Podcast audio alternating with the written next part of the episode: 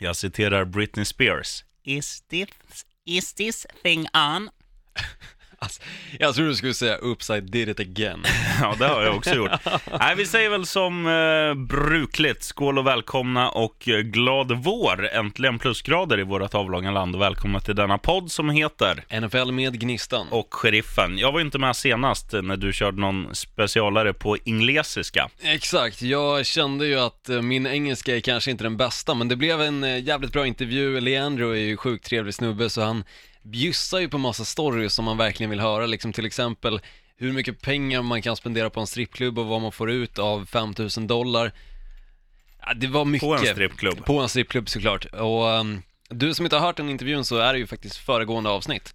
Ja. Släpptes i tisdags och nu sitter vi och spelar in ett nytt avsnitt på torsdag, men det är för att vi tidigare utlovade att vi skulle komma med lite draft specialavsnitt. Jo, Och jag vet att du inte gillar just ordet special, men det är ju lite det som är just nu i och med att det som väntas är ju draften som drar igång nästa vecka på torsdag. ja.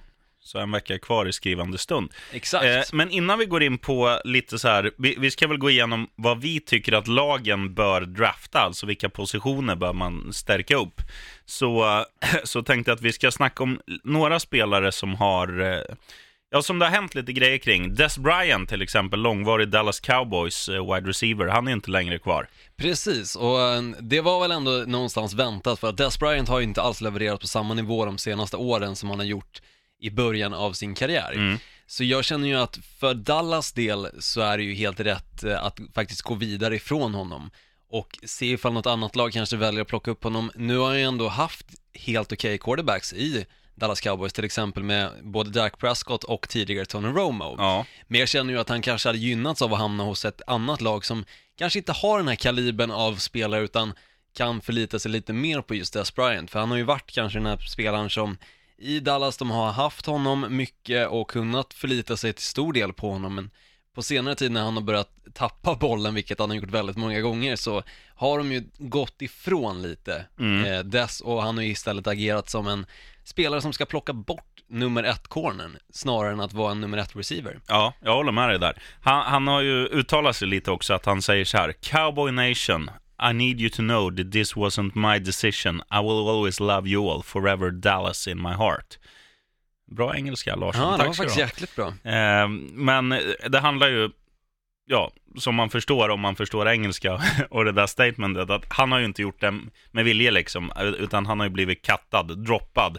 Eh, ja, Dallas vill inte ha kvar honom, för att säga det på svenska. Men han kostar ju mycket pengar och dessutom så uh, har han inte levererat på den nivån. Alltså, som sagt, det är givet val, men det ska bli jäkligt intressant att se vilket lag som kommer plocka upp honom. Ja, Och ifall något lag kommer plocka upp honom väldigt nära draften så kanske det kommer bli en skillnad på vad det laget kommer fokusera sig främst på i första rundan. mm. Eller andra rundan för den delen. För då har de ju ändå en wi- wide receiver som fungerar i ligan, har rutinen, men kanske inte är i sin prime, men fortfarande kan i omklädningsrummet ge eh, lite rutin. Ja, ja, och sen är ju han alltså en spelare som som också sådana här lag som inte har några direkta profiler. Jag tänker typ Baltimore Ravens. Om de går efter en sån där bara för att sälja lite extra tröjor och kanske fi- fixa en liten hype. Ja, Men det kommer ju sälja tröjor. Alltså det är ju ungefär som när Marshawn Lynch hamnade i Oakland Raiders. Alltså det sålde tröjor. Han var bäst sålda tröjan i hela NFL. Och nu tror jag inte att Des Bryant kommer ha den bäst sålda tröjan. Men nog fan kommer han sälja tröjor oavsett vart han hamnar. Så det är ju en investering i bara liksom att sälja lite mer merch. Ja, ja, absolut. En som kanske inte säljer lika mycket merch, men som har en bättre spark än Des Bryant är ju Sebastian Janikowski, som också har ett jävla bra namn. Som Han- blev sparkad från Oakland Raiders. Puff. Eh, han är ju klar för Seahawks nu. Och det här är väl det första, nu, nu har ju, det är väl Steven Hauska heter han som har sparkat i Seahawks i många år. Jag vet inte om han är kvar. Ja, men Ingen aning faktiskt. annars känns det konstigt att ta in den här liran, för du behöver inte två kickers. Men Nej. Janikowski är jävligt vass och framförallt har han ju bra längd i sina sparkar, så han kan ju mål från, ja, alltså 70 är väl att ta i, men säg Ja, sex- sex- 60 yards, då och är det ju... 63 och sådär, Ja. absolut. Alltså han är ju i klass med Vinatieri i Indianapolis Colts. Mm. Så precis som Vinatieri så är han ju en gammal veteran som har varit med i gamet länge. Mm. Och han kanske inte kommer sälja tröjor, men han är fortfarande lite av en profil. Ja, ja, jag gillar ju honom. En annan veteran som numera har lagt dojorna på hyllan, det, eller dojorna, allting, det är en, en spelare som jag vet du gillar framförallt att följa på Instagram. Han är riktigt fin, jag snackar James Harrison och just hans Instagrams videos fortsätter ju att komma, vilket jag tycker är jäkligt roligt för att han har ju ett speciellt sätt att träna, han visar ju upp liksom olika övningar som ingen annan skulle ens få för sig av att testa, men han Har liksom... du några exempel? Ja men till exempel när han, eh, alltså han lägger ju på så jävla mycket vikt i och för sig också, men han hänger ju och kör eh, vindrutetorkaren kallas den. Okej. Från eh, liksom två bar som sticker ut på en, nu vet jag inte exakt gymtermerna, jag är ju på gymmet ganska ofta men jag har inte koll på vad saker heter, men han hänger i alla fall typ upp och ner och kör benen åt eh, höger och vänster. För, att, träna, magen? Precis. Okej. Bara en, liksom en sån övning tycker jag åtminstone är kul att se. Och jag har ju tagit efter den övningen och försökt göra det själv och det har gått sådär men Nej, några gånger gång. har det gå- gått bättre än andra. Men just alltså James Harrison som person, alltså jag tycker han är en stor inspirationskälla. För att jag kommer ihåg när han spelade den matchen Super Bowl-matchen mot Arizona Cardinals. Ja. och då fastnade det verkligen för James Harrison, hela storyn kring honom, att han hade försökt så länge att liksom stanna kvar i ligan, bli en spelare som hade det här bra kontraktet och kunde faktiskt luta sig lite tillbaka men göra sitt jobb. Men han har ju aldrig, aldrig haft den karriären, men då gjorde han åtminstone en 100 yards touchdown, vilket var det absolut längsta i, genom tiderna i Super Bowl Mm. och visar liksom att jag är här för att stanna och han har ju stannat ända sedan dess, jag tror det var 2010 års Super Bowl som eh, Pittsburgh Steelers alltså vann mot Arizona Cardinals och det var ju då jag fastnade för honom. För han, eh, han var nära, om inte han hade lyckats under den Super Bowl så hade han förmodligen blivit en busschaufför, var åtminstone snacket. Ja, det är en cool story. Du, en annan story bara lite snabbt som vi inte har nämnt tror jag i denna podd. Det är ju en wide receiver som spelade i, i fjol i Chicago Bears, eh, Cameron Meredith. Jo, det nämnde vi förra veckan Gjorde vi faktiskt. det? Ja, ja för fan. Att, eh, att Jag har de inte koll. matchade eh, budet. Så att Jajamän. han istället kritar på för Saints. Stämmer bra. Ja, men det var någon mer grej vi skulle gå igenom. Någon mer spelare som... Eh, Ja, och det vi är en spelare på som... kebaben här nyss. Precis, det är en spelare som kanske inte har varit den absolut mest framgångsrika i sitt lag, men han har trots det varit i Denver Broncos då i fem år, då snackar jag om CJ Anderson, Just det. som ändå kan sätta upp ganska mycket yards på tavlan och också touchdowns, för att han är en stor bjässe som är ganska svår att få ner. Men, Nej, han är inte stor alls. Han är liten. Men, men han... han är liten och kompakt liksom, men han är ju bred. Jo, men då är man väl inte en bjässe. Ja, men eh, okej, bjässe på bredden då, Han... inte eh, på längden. Jag, jag säger så här att han har ju... Han har ju okej siffror, men det är ju för att han används väldigt mycket för att de inte har så mycket andra offensiva hot i, i nuläget. Ja, definitivt, men trots det så gjorde han ju en bedrövlig säsong nu senast och jag förstår varför Denver Broncos väljer att gå vidare från CJ Anderson och kanske satsa på någon ny ung spelare i draften istället. Mm. Vet du vad jag fick nu? Breaking news från Majsan. Majsan eh, har ju, hennes föräldrar har ju lite hästar. Och veterinären där, som har hand om hennes hästar, ska vara med i Bonde söker fru i år. Fan, här breakar vi grejer i Oh! denna eminenta podd. Damn! Men och är, är det ens officiellt? Nej, det tror jag inte, men nu är det. Nu kör det vi introt. I.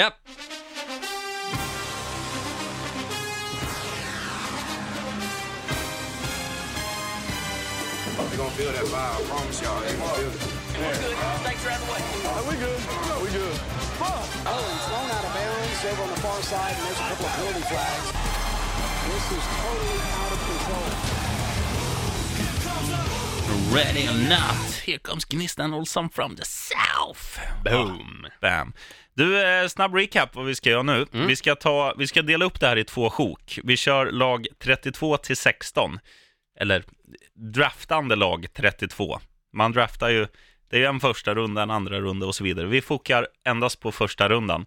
Vad bör lagen plocka? Alltså vilken lagdel känns svag, som behöver förstärkning och lite så. Och det kommer, du som inte fattar fortfarande, som sitter som en jävla fågelholk, det, det kommer ge sig. Eh, Philadelphia Eagles vann ju Super Bowl och är då Precis. det laget som draftar sist Ja. i hela ligan. Stämmer, de hade ju kunnat ha fått ett första rundsval sedan tidigare, men nu hade de inte det, utan det här blev ju deras eh, första val då helt enkelt. Mm. Det där lät som så här flask, när du blåser på en flaska du vet, så det kommer ljud. Jaha, jag Men det var din min mobil. SMS-signal. Ja, ja, det var det. fru Olsson. Nej, det var det faktiskt inte. Det var brorsan som försökte få tag på mig nu. I och med att jag fyllde år i tisdag så har han försökt ringa mig, men han ringer alltid dåliga tider. Mm, det är ju ungefär som också. mormor. Och man Hon måste ringer alltid svara. dåliga tider. Ja, men pre- precis. Ja, vi går in på Philadelphia Eagles då. Ja, och jag, jag tycker ju liksom, om man tittar på förra året, jag tycker de har ett ganska komplett lag. Det är svårt att liksom pricka någonting. O-linen är bra, D-linen är bra, de har två quarterbacks som är bra.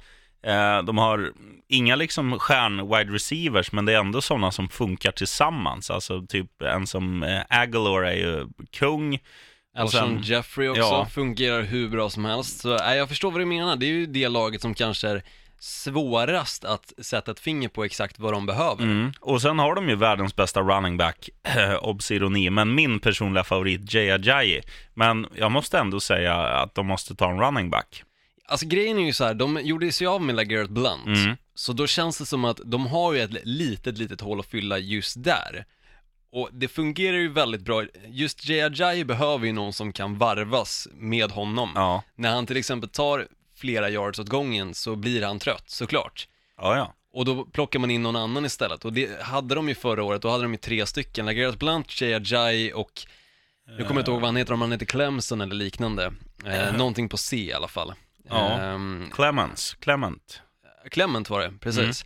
De hade ju då liksom de tre och det fungerar ju hur bra som helst när de hade då fått in Ajayi i vecka åtta, så jag håller med dig. Det känns som att en running back på, eh, i Philadelphia Eagles som första rundsval, absolut. Och det kan ju vara då någon som kan tillsammans med de här spelarna bli Alltså ännu bättre, för att har man Jay att luta sig tillbaka på och lära sig lite av, samt man har en ung spelare som Clement också lära sig lite från förra året, alltså när de vann, ändå vann Super Bowl, så har man liksom bra lärare bara där. Ja, ja, absolut. Eh, vi går vidare till Patriots då, som förlorade Super Bowl-finalen. Stämmer, och de har ju en, eh, ett hål att fylla. Eh, inte bara på deras wide receiver-poster, med till exempel förlusten av eh, Danny Amendola som helt plötsligt hamnar i Miami Dolphins, en av deras divisionsrivaler, men såklart om de inte vill förlänga med honom och ge honom ett kontrakt, då byter han klubb. Ja, ja. Och samma sak då när de gjorde den här traden med Los Angeles Rams för att bli av med ändå en spelare som jag tycker har gjort det jäkligt bra, Brandon Cooks. Mm. Så känns det som att just wide receiver-posten behövs ju fyllas på. Mm. Men jag tycker samtidigt att de behöver fylla på på deras O-line också och det är ju nästan viktigare än att ha toppnamn och nya spelare på wide receiver-positionen att faktiskt kunna säkerställa så att inte Tom Brady som är deras största stjärna skadar sig. ja. Och då känner jag att då behöver de en O-line.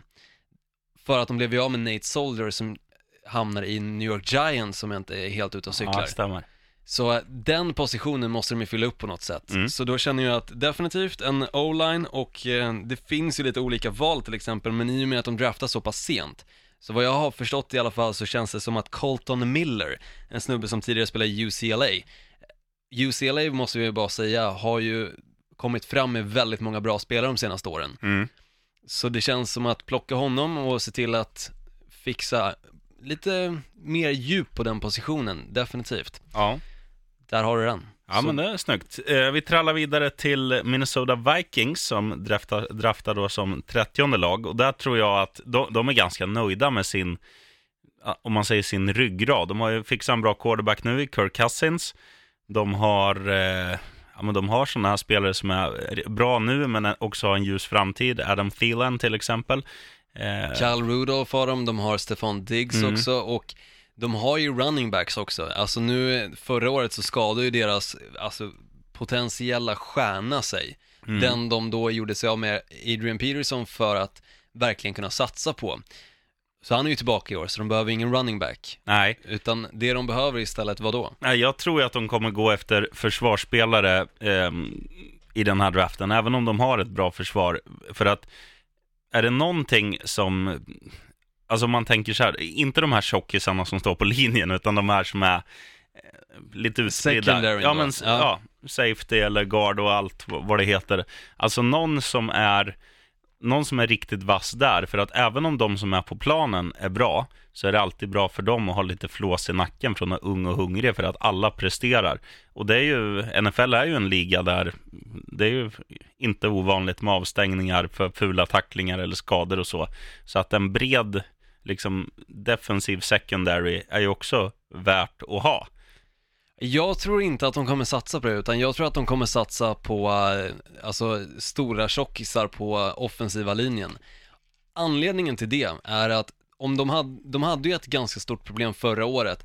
Nu hade de ju rätt mobil quarterback i eh, Case Keenum som ändå kan röra sig ur fickan och fortfarande få iväg bollarna. Mm. Men Kirk Cousins fungerar inte riktigt på samma sätt. Han är lite mer statisk av sig. Ja, ja. Därför behöver de en bättre linje, de behöver någon spelare som kan varva med de spelarna som oftast är inne på planen, alltså deras starters och kanske bli en potentiell starter. Jag tror att de kommer satsa på en linjeman. Mm. ja vi får se. Jag, Ja. tror, jag tror någon eh, i secondary. Ja men det är kul att det är olika. Ja. Olsson om Jaguars då. Wow. Ja, Jaguar som jag har ju varit inne på en del har ju faktiskt gjort sig av med många av deras offensiva spelare för att kunna satsa på nytt och då Mm. känner jag att det är det de måste göra. Ja. Här behöver de satsa på en wide receiver som kan fånga bollarna och framförallt göra det lättare för deras quarterback att kanske passa bollarna också.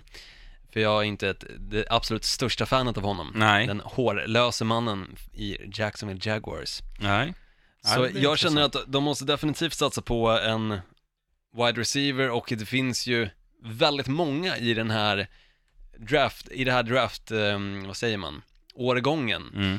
Ehm, just wide receiver som har gjort ett eh, bra jobb under college och även visat upp sig bra under combine. Så eh, det känns som att det finns många att plocka på.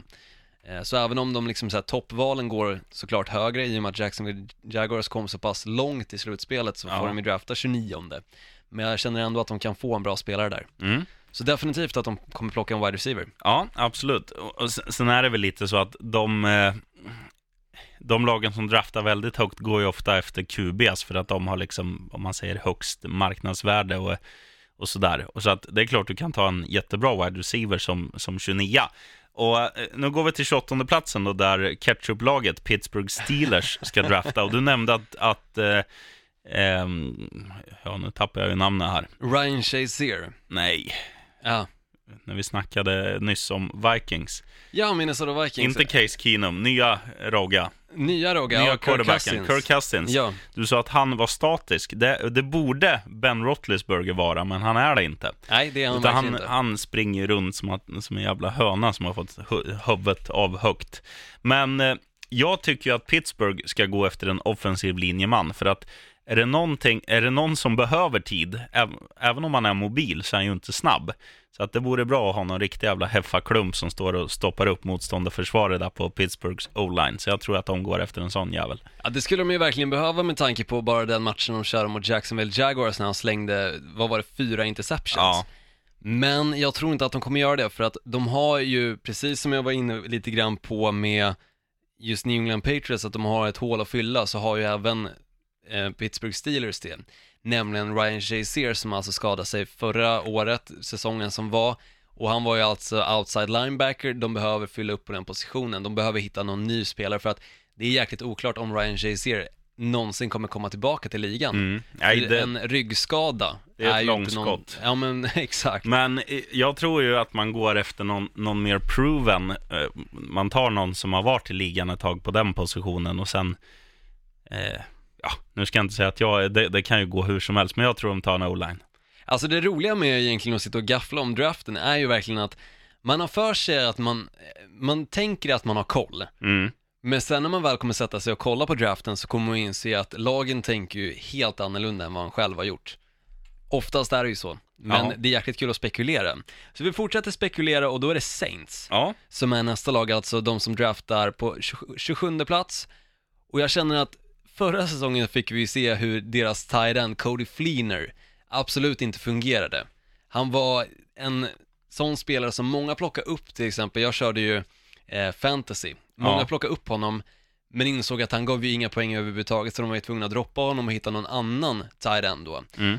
Så jag tror att de kommer satsa på att försöka hitta en ny tight end som de kan bygga upp till kanske en ny Gronkowski eller liknande. Alltså jag tror definitivt inte att de kommer tänka någonting annat än tight end positionen för att det kändes som att i just anfallet så var det där det fanns ett hål. ja jag håller med dig. För de, och sa, samma sak så här... Eh, eh, din idol, Alvin Kamara, eh, han är ju...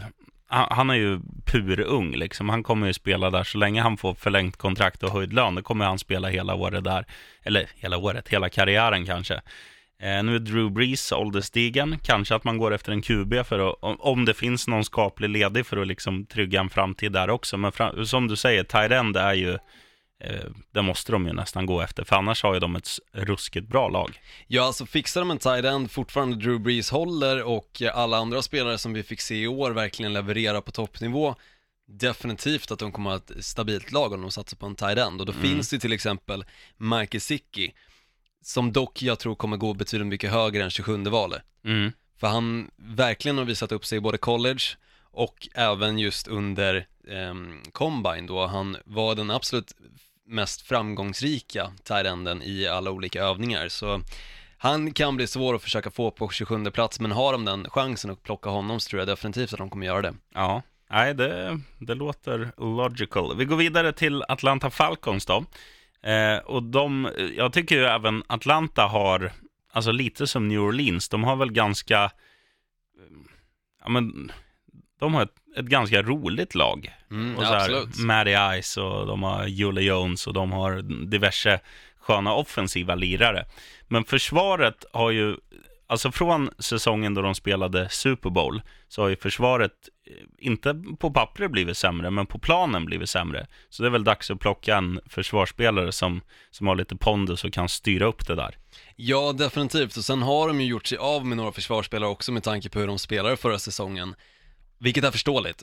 Så definitivt att de behöver en ny tjockis på linjen där på försvaret som kan, kanske inte just en tjockis då, men eh, åtminstone någon som kan täppa till lite de här hålen som finns i Atlanta Falcons. Så Ja. snackar jag till exempel när de försöker köra run support och liknande. Det behövs, Mm, definitivt. För det var förra året, eller förra, förra året ska jag säga, med just Atlanta Falcons, det var ju så att de levererade jäkligt bra både på offense, släppte in väldigt mycket på defense, men inte så mycket som de gjorde förra året. Förra året så var det ju ty- tyvärr på grund av deras försvar som de inte tog sig speciellt långt. Mm.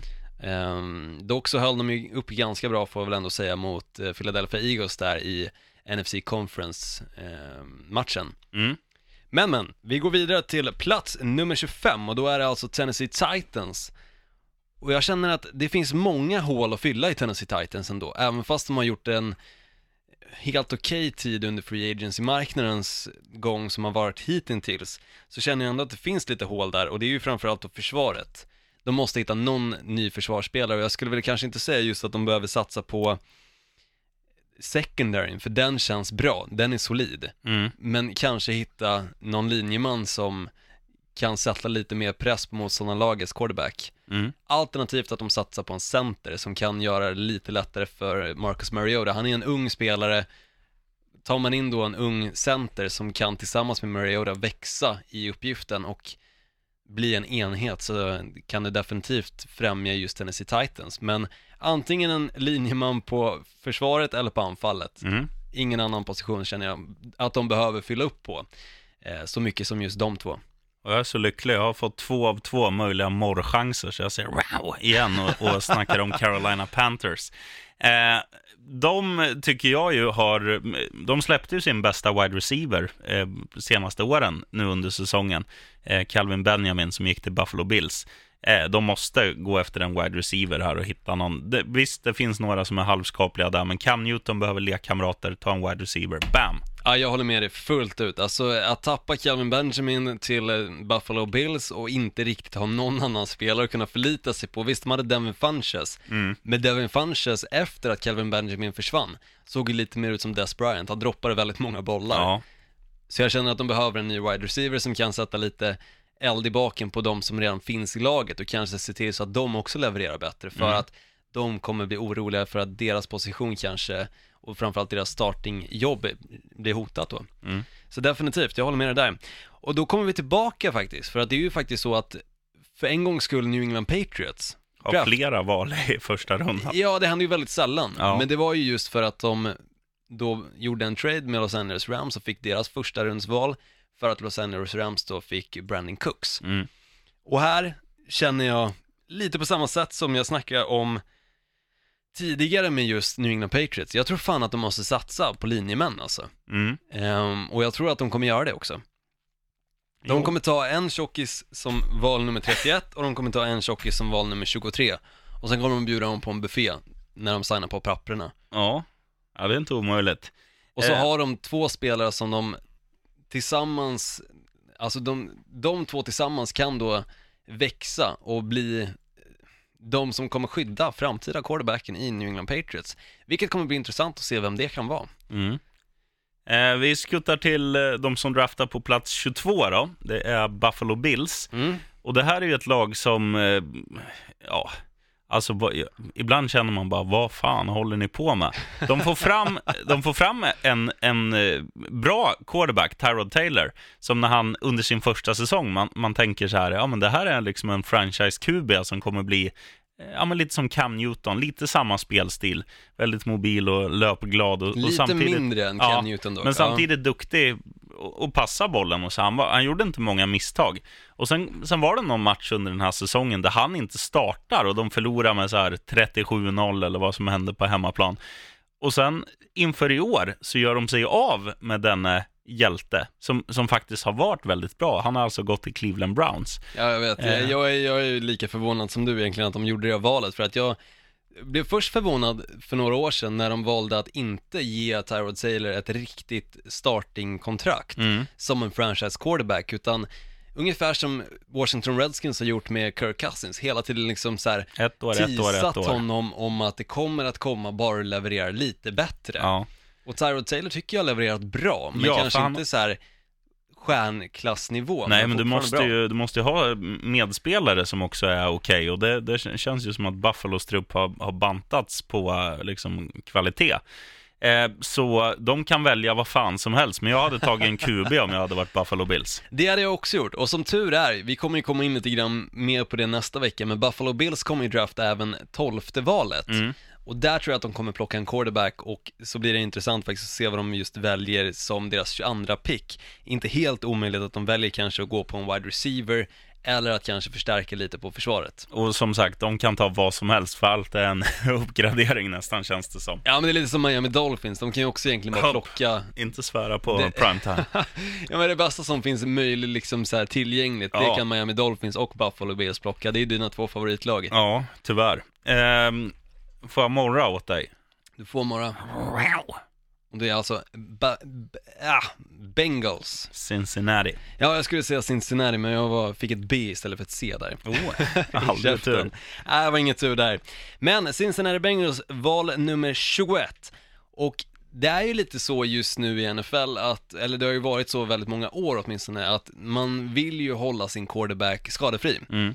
Eh, och om inte nu, alltså det är ju nästan viktigare nu än någonsin känns som, för att det är så jäkla stora kontrakt som man ger till de här spelarna och de måste verkligen se till att hålla också då. Mm. Så jag tror att precis som i till, till exempel med ehm, just eh, New England Patriots som jag tror kommer drafta två stycken tjockisar på linjen så tror jag även att Cincinnati Bengals kommer att drafta en tjockis. Ja. Som kommer se till så att Andy Dalton kanske kan känna sig lite lugnare i fickan och ha lite mer tid, vilket han inte hade förra året. Det var ju en jättedålig start för just Cincinnati Bengals del. Jag tror inte att de fick in en enda touchdown på två eller tre matcher. Så de behöver någon som faktiskt kan se till så att Andy Dalton får lite mer tid så han kanske kan hitta A.J. Green. Ja, eh, håller med dig. Vidare till Detroit Lions. Mm. Fan, fick man morra igen, vad skönt. Eh, de här tycker jag, och de, de är svåra, för att de gör ofta bra resultat, fast på pappret tycker man så här att ja, men den här truppen är inte något att skryta med, men de gör det bra med ganska, ganska profilfattigt lag, i både offensivt och defensivt. Sen är det ju, visst, Matt Stafford är bra och han den här eh, som spelar vänster wide receiver, som springer Golden Tate. Golden Tate heter han ja. Han är ju jävligt spektakulär. Men eh, kanske krydda med att ha en bra wide receiver på andra vingen också. Ja, absolut, Ehm, men jag tror, där kanske de kommer satsa lite mer på försvaret så att de kanske slipper hamna i den här positionen match efter match att Matt Stafford måste rädda dem och ta dem tillbaka i fjärde kvarten. Jag tror han har en klausul i sitt kontrakt där det står jag vill alltid ligga under med en touchdown inför fjärde kvarten. Så kanske det är, jag vet inte, men det känns ju kanske som att han kan tycka det är behagligt någon gång och faktiskt bara kunna vinna en match och känna sig lugn redan i tredje kvarten och inte behöva ligga under i fjärde. Ja, vi får se. Vi får se. Jo, det är klart. Men försvarsspelare i stort eller en, en wide receiver så Golden Tate för en lekkamrat. Ja, de däremot som jag vet kommer att drafta en wide receiver och det här är ju på grund av det lite vi snackade om tidigare innan vi väl drog igång snacket om draften, alltså Dallas Bryant. Cow- Cowboys och Des Bryant. De draftar alltså på 19 plats och då finns det fortfarande många bra alternativ på wide receiver-positionen. Vi har till exempel Kirtland Sutton, vi har DJ Moore, vi har Calvin Ridley. De tre spelarna är väl de högst, högt klassade under den här draften. Ja. Och jag tror att definitivt de kommer, någon av dem kommer vara tillgängliga som 19 val. För att Mm. väldigt många kommer ju, som du säkert har koll på, plocka lite försvarsspelare men också quarterbacks. Quarterbacks mellan val nummer 1 till nummer 15 kommer ju nästan vara dominant just det. Ja, Så jag tycker definitivt att de har ju inget annat val, de måste få till en wide receiver core. ja, ja. Nu har de liksom ingen nummer ett wide receiver, så Nej. eh, definitivt att de kommer plocka en. Ja, eh, vidare till eh, Seahawks då, Seattle, som eh, under off-season nu har gjort sig av med i stort sett allt av kvalitet i försvaret. Eh, så att de måste gå efter en försvarsspelare. Ska han spela centralt i banan eller ska han spela på vingen? Det tror jag inte spelar någon roll. Men eh, någon ersättare till Richard Sherman måste man ju hitta, så varför inte säga en safety då? Ja, och de behöver ju också i och för sig en ersättare till Michael Bennett. Ja, Så det är ju de två positionerna de måste hitta spelare. Och det har de ju inte gjort under free agency-tiden heller. Utan... Nej, och nu är de inte ett attraktivt, attrakt, attraktivt lag att gå till. För att, eh, alltså, när, när de här spelarna som gör skillnad går, då vet du att okej, jag får bo i ett regnigt Seattle, jag får spela på en arena som i och för sig har jävligt bra fans, men eh, jag kommer inte vinna några titlar, jag kommer inte få spela slutspel. Jag kanske får vinna fyra matcher då om, om jag har tur. Men man hade ju lika gärna kunnat spela i Cincinnati Bengals. då. Ja, och, och det är ju det att bara om man skulle backa bandet två, tre år, om man skulle säga så här, okej, Gnistan Olsson, nämn fem lag som har chansen att vinna Super Bowl i år, då har man ju med Seattle Seahawks. Definitivt, Det har absolut. man inte nu. Nej, nej, alltså de är inte ens med som eventuella slutspelslag. Säger man, vilka kommer drafta topp fem nästa år, då är de med i diskussionen. Ja, det är de ju Alltså vara ett av ligans fem sämsta lag. Så försvarare, spelar ingen roll vart, bara de får in någon jävel, för de har inga kvar. Nej, och de behöver ju egentligen folk i anfallet också, för de gjorde ju sig av med Paul Richardson, som jag ändå tycker är en bra spelare, Mm. och som är jäkligt snabb också, hjälper ju Russell Wilson att, alltså finna luckor. Man kan säga att Seattle Seahawks är som en arbetsplats där massa hypokondriker, hypokondriker jobbar och någon jävel kommer hit och är förkyld. Ja, alla försvinner. Ja, Definitivt. Bra liknelse, sheriffen. Tack. Vi går in på plats nummer 17, alltså det 17 laget, och det är Los Angeles Chargers som draftar fan där. att du sa Los Angeles. Jag tänkte nu säger han San Diego, för Nej, det hade nej, jag sagt nej, om nej. jag hade sagt det. Jag har ju lärt mig nu att det är Mm. Los Angeles. Det kommer bli jobbigt med i och för sig Oakland Raiders Mm. om något år. För då blir det ju Las Vegas Raiders istället. Så det är mycket lag på L. Du, fråga Colon som jag inte vet om du har koll på, för jag har inte koll på det. De spelade ju i år på samma arena som eh, LA Galaxy spelar, en liten arena som tar typ så här 16? Nej, ja, kanske 20 inte 16, tror jag. 20 ja, kanske. någonstans där. Mm. Ha, är deras nya arena klar till nästa år? Nej, det är de, inte. De spelar där ett år till. Ja, inte tanken att de, nu är det ju spekulationer här för Att att, de ska dela med. Rams. Precis, jag tror att de ska göra som de gör i New York, att Ja. dela arena. Okej. Vilket inte är ett problem i och för sig, för de spelar ju dels inte i samma division, vilket gör att ena laget kanske kan spela på söndagen och andra på måndagen eller på torsdagen och Mm. så vidare. Och sen spelar man ju borta varannan vecka, så att det kan man Exakt. också varva.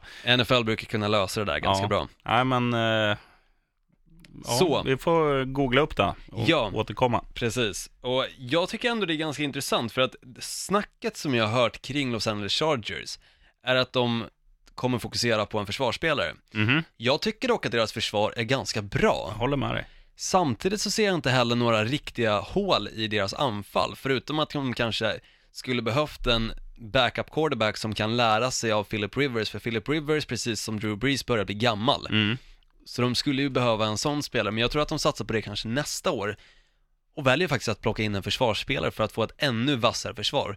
För om det är någonting som har gjort att Los Angeles Chargers har gått från ett skitlag för förra året till att faktiskt bli ett bra lag som var jäkligt nära på att ta en slutspelsplats, är just deras försvar. Mm. Och då känner jag att om man till exempel har Joey Bosa på ena sidan och så tar man en annan snubbe på andra sidan som är minst lika vass, okej, det är svårt i och för sig för Joey Bosa i en klass för sig, Ja. men åtminstone någon som fortfarande kan sätta stor press på quarterbacken, då har man två spelare som kommer att göra det jävligt tufft för motståndarna, vilket gör det väldigt enkelt för Los Angeles Chargers secondary att kanske fånga de här interceptionsen.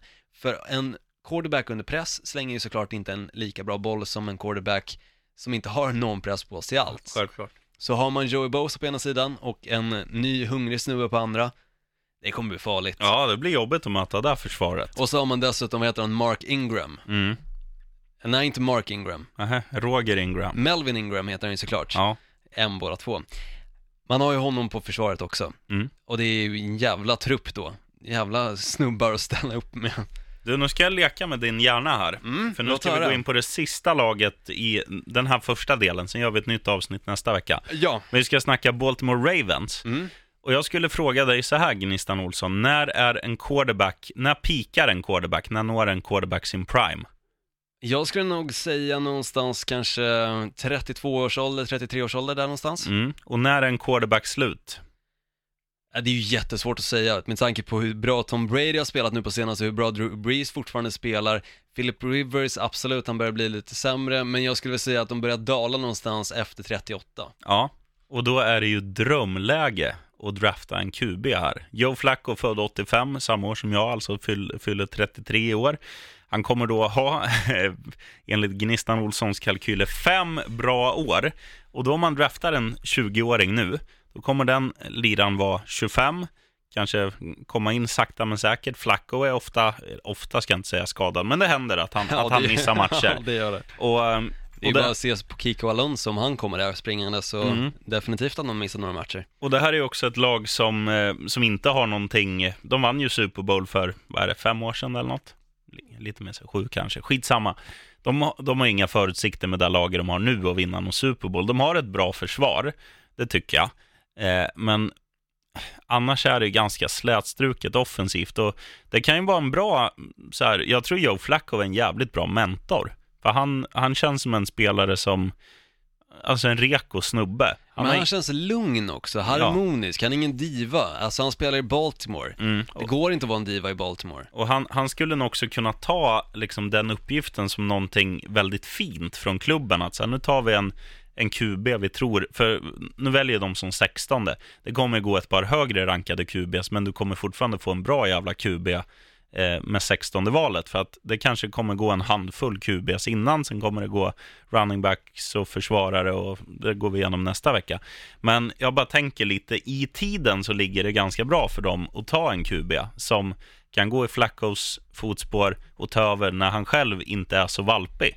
Ja, jag förstår, jag förstår precis vad du menar, för det var ju det, alltså till exempel om man bara ser på ligans absolut bästa quarterback just nu, och nu säger jag inte det bara för att jag håller på det laget, men Aaron Rodgers är ju klassad som ligans absolut bästa och mest spektakulära quarterback. Ja, Jäkligt duktig snubbe, men han gick ju många år i fotspåret från ehm, Brett Favre då. Mm. Och fick ju följa honom och lära sig av honom. Nu är ju kanske inte Brett Favre liksom den snubben som lär ut alla hans tricks och knep liksom, men fortfarande att bara liksom iaktta honom och ja, du är med på träningar och apar efter och ser, okej, fan, det där gjorde han bra. Och han tittade ditåt och han sprang ditåt, han satte foten si och så. Och det är klart att det, som du säger, att man iakttar. Och, ehm, nej, fan, kör Baltimore, gå på en QB. Ja, jag tycker också det, men nackdelen med det här ska jag ändå säga, den quarterbacken som jag hade tyckt var kul om det skulle hamna i eh, Baltimore Ravens hade varit Lamar Jackson. Mm.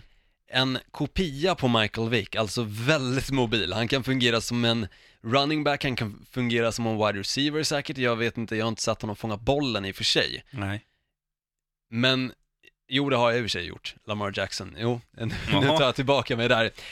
Han kan fungera som väldigt många olika, alltså på olika positioner, men han, han vill man ha som en quarterback. Som en ny Michael Vick, som kan väldigt lätt ta sig ur fickan och fixa spelet själv. Mm. Och det tror jag hade hottat upp lite hela Baltimore Ravens som jag tycker de känns väldigt grå. Ja, Och nu har de liksom en lila färg. det är som- snyggt. Precis, den ska vara snygg. Det är liksom mörklila dessutom. Det är inte som Minnesota Vikings som har en liksom nä- näst... Bebislila. Nej men precis, på snudden till liksom rosa, utan det här är alltså cool, maskulin lila. Ja, Nå- någon lila som man skulle kunna ha på detaljer hemma, även om man liksom hade varit singel. ja. En sån lila, men ändå så känns som så jävla grå och då känner jag att hade de plockat in en spelare som Lamar Jackson som hade satt lite mer edge på hela laget och gjort dem sexigare Mm. så hade det varit optimalt. Men nu är det ju så, vi snackar om att det här ska vara en spelare som lär sig av Joe Flacco och går i hans fotspår och kanske om fem år väl kommer in i ligan. Jag tror att Lamar Jacksons primetime kommer vara fram tills han är 28 och sen kommer han bli lite slöare av sig. ja. Man vill se honom från start. Men det kan ju också vara en sån här, nu ska, nu ska man inte, nu kommer säkert inte Baltimore ta han som du nämner här, Jackson, men oavsett vem de tar och oavsett vad du har för spelstil, så är det ju så här, om, om du är mer mobil än Flacco, då får du vara mer mobil, men man får ju ta det bästa, det bästa som du har själv och sno det bästa från, från den du lär dig av. Absolut, men jag menar bara att just en spelare som Lamar Jackson som har varit kul att se i Baltimore tror jag är fel att sätta på bänken i fem eller fyra år nu Ja, för att liksom vänta in honom och känna på hans utvecklingskurva och liksom forma honom till den quarterbacken man vill att han ska bli. Tyvärr, så jag tror inte att de kommer plocka Lamar Jackson av den anledningen för att plockar man honom, då vill man att han ska starta antingen i år eller åtminstone nästa år. ja kanske. Ge honom lite rutin, sitta på bänken i år och sen får han starta. Jag tror inte man plockar honom för att ha honom på bänken i fem år. Nej, men någon jävla QB tar man. Ja, det tror jag. Och det finns några stycken. Ja. Det gör det definitivt. För som sagt, i år så är det väldigt många bra quarterbacks som har kommit fram. Några som är mer rutinerade än andra, men det kommer vi gå in på lite mer nästa vecka när vi alltså snackar val nummer 15 till nummer 1. Mm. Och då kanske vi också går igenom lite namn som är värda att hålla koll på. Du har nämnt några och jag är, jag är så här, namn, det tappar jag bara bort. Ja men det är ju lite så här att du och jag sitter ju mycket och kollar på NFL, vi kollar väldigt lite om någon, knappt någonting egentligen på college. Jag kollar lite highlights då och då, läser på lite om spelare och sånt där, men jag kan ju väldigt lite om college-spelarna. Nu sitter vi mest och bara spekulerar om vad lagen faktiskt behöver drafta och vad de kanske behöver i djupet och liknande. Så det är ju, det är ju spekulationer, men däremot när vi kommer gå in på 15 till nummer 1 Mm. så kommer det bli lite mer specifikt på vilka spelare de borde drafta. Och då har vi också med våra två lag. Eh, mitt eh, Dolphins draftar som 11 och ditt Packers som 14. Mm, stämmer bra. En liten eh, hållhake till nästa vecka. Exakt, Men och du- eh, också se faktiskt hur Cleveland kommer drafta, för att det är ju mycket spekulationer om de faktiskt kommer plocka en running back som first overall, alltså Chicon Barkley, Mm. eller om de kanske tar en defensive lineman som fjärde och en quarterback som första. Ja, det är lite där man, det sistnämnda som man har läst eh, på senare tid, att det, det lutar åt att de kommer ta en QB med första valet och det tycker jag är fel. Fan, ta den här. Alltså han, han sägs ju vara bättre än Alvin Kamara. Den här som jag tappar namnet på igen, Barkley. Ja, och han eh, spås ju, eller åtminstone liksom det han har visat upp av sig själv, så har han ju, han ska ju vara en av de absolut bästa de senaste tio åren verkar det som. Ja. Han är ju tokhyllad, så det känns ju sjukt om inte Cleveland plockar honom, men som sagt, det verkar som att de kanske kommer plocka en quarterback och en defensive lineman. Mm. Men annars så kanske man kan spela New York Giants som Super Bowl-vinnare om de tar honom och sen behåller, eh, ja, du ser jag tappar alla namn, Odell Beckham Jr. Och sen... Eh, Eli Manning fortfarande som quarterback, alltså oh, det är ju Eli, Ma-. Eli Manning, han, han kan när han vill. Ja precis, när han vill. År- Hur ofta är det? I år vill han. Ja, vi får väl hoppas det. Annars draftar de ju högt nästa år också, om man inte vill. True. Om de inte plockar en quarterback. True. Du, nu rundar vi av Olsson. Nu ska Ja, vi hem och kolla SM-finalen i eh, hockey, match två. Jajamän, det är klart. Det gör vi rätt i Så, tycker jag. så ses vi imorgon. Självklart, och nästa vecka som sagt går vi igenom eh, val nummer 15 till nummer 1 och så förhoppningsvis så får jag väl igång, nu har jag blivit av med mitt konto så jag kan kolla på eh, NFL Network, men jag får väl fixa det lite extra deg då. Det är det värt, så att säga. Så, Klockan tre på natten ska jag sitta där. ja, det är bara att bänka dig. Ja, för fan. Det är självklart. Du, eh, skit ner det och så hörs vi. Samma, stå Right on. Hej. Toward the middle of the field to the 40, the 35, breaking tackles. It's got potential.